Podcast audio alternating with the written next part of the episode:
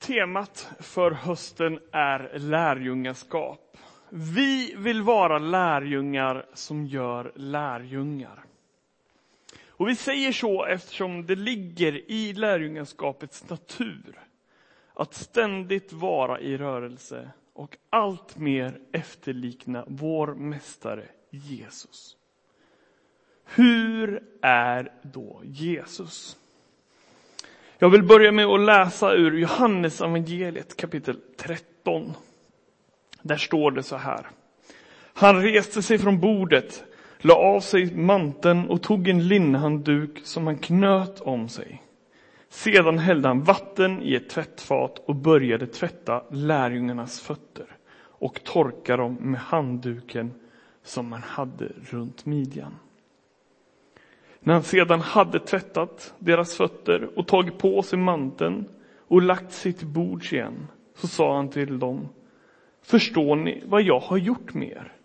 Ni kallar mig mästare och herre, och det med rätta, för det är jag. Om jag nu, eran herre och mästare, har tvättat era fötter, så är också ni skyldiga att tvätta varandras fötter. Jag har gett er ett exempel för att ni ska göra som jag har gjort mot er. Jag säger er sanningen.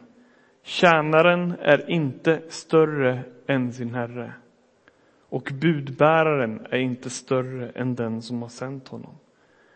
När ni vet detta, saliga är ni och ni också gör det. Vi tar och ber.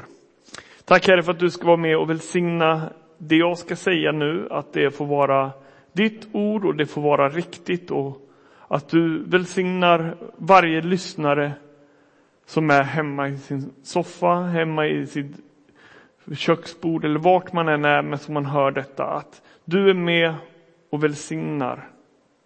I Jesu namn. Amen. I Romarbrevet så står det också så här i kapitel 15. Vi som är starka, vi är skyldiga att bära de svaga svagheter och inte tjäna oss själva.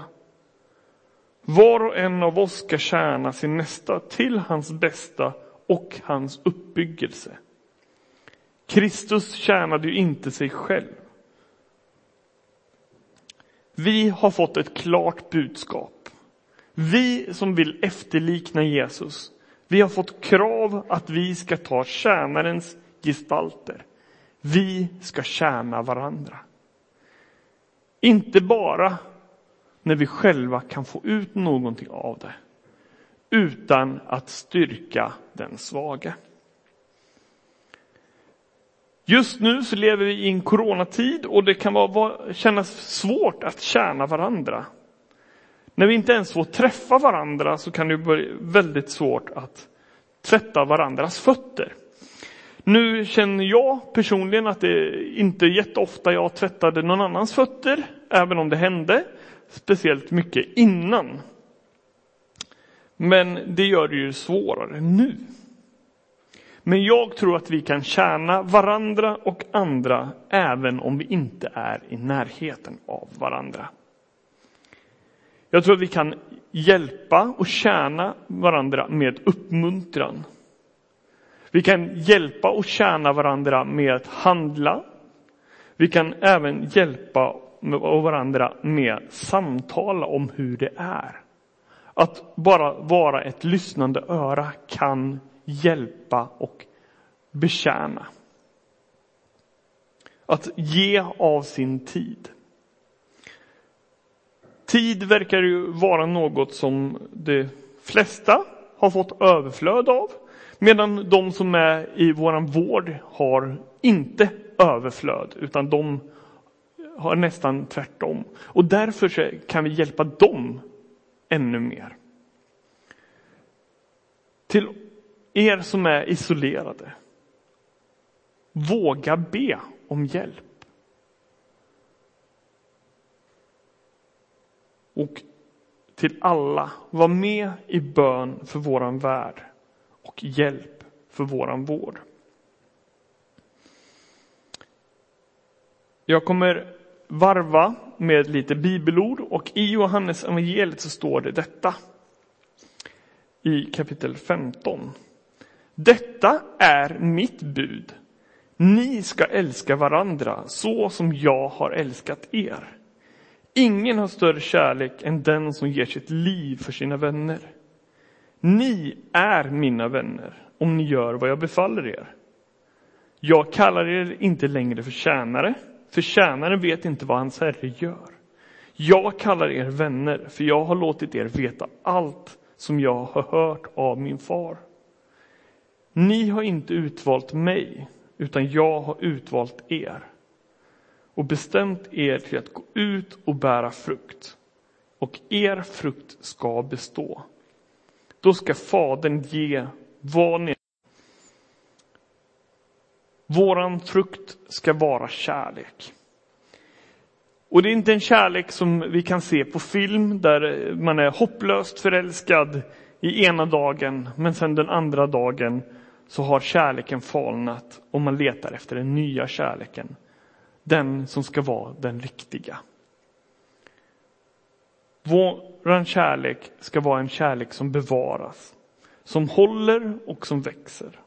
Där vi lyfter varandra, där kärleken är tålmodig och vis. När vi går in i en tjänares gestalt så handlar det om att lyfta blicken på den vi möter. Att vi ska få den vi möter att se Jesus. Mer än att visa att vi är trevliga eller snälla.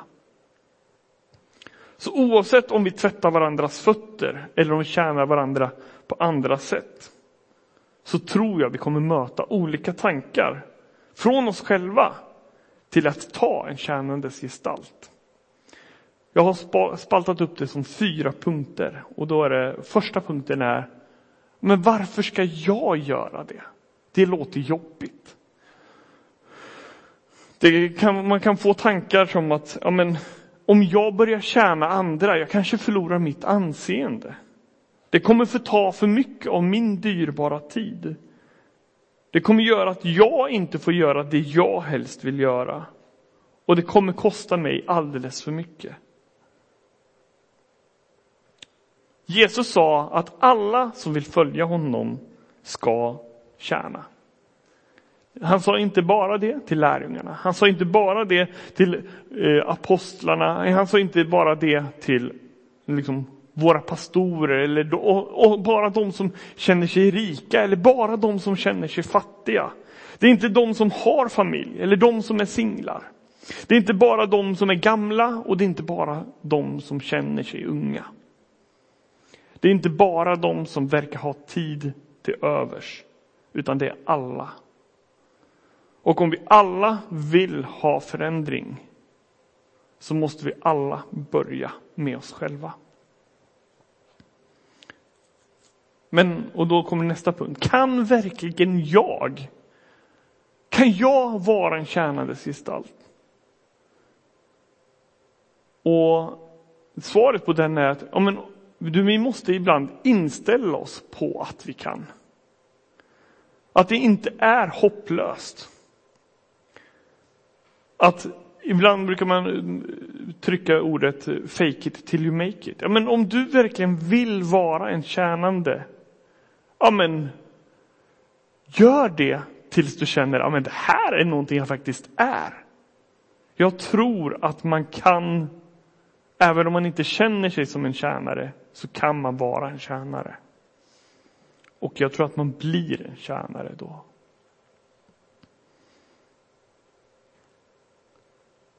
Punkt nummer tre. Jag vet inte hur man är en tjänare.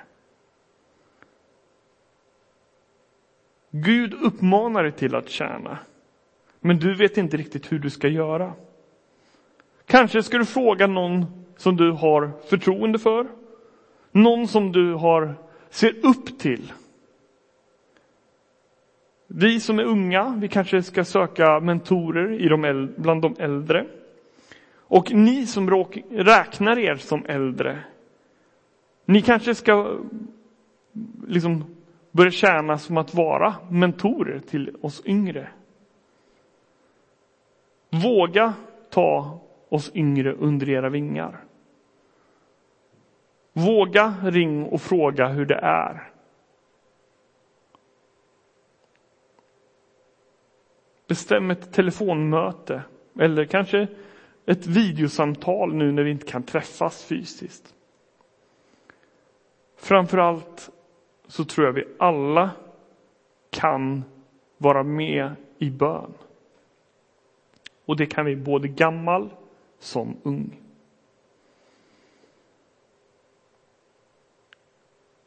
Vad hindrar oss från att börja idag?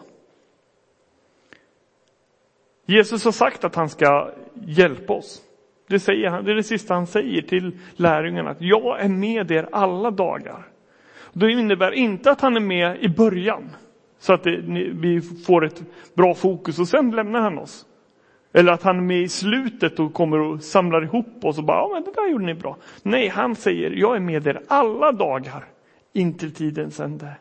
Det innebär att han kommer vara med oss när vi börjar. När vi gör våra misstag, när vi snubblar och gör lite klantiga saker. Han är med oss när vi har bemästrat någonting och vi, och vi liksom börjar fundera över hur kan vi utmana oss ännu djupare. Och han är med oss när vi tar emot segerkransen i himlen.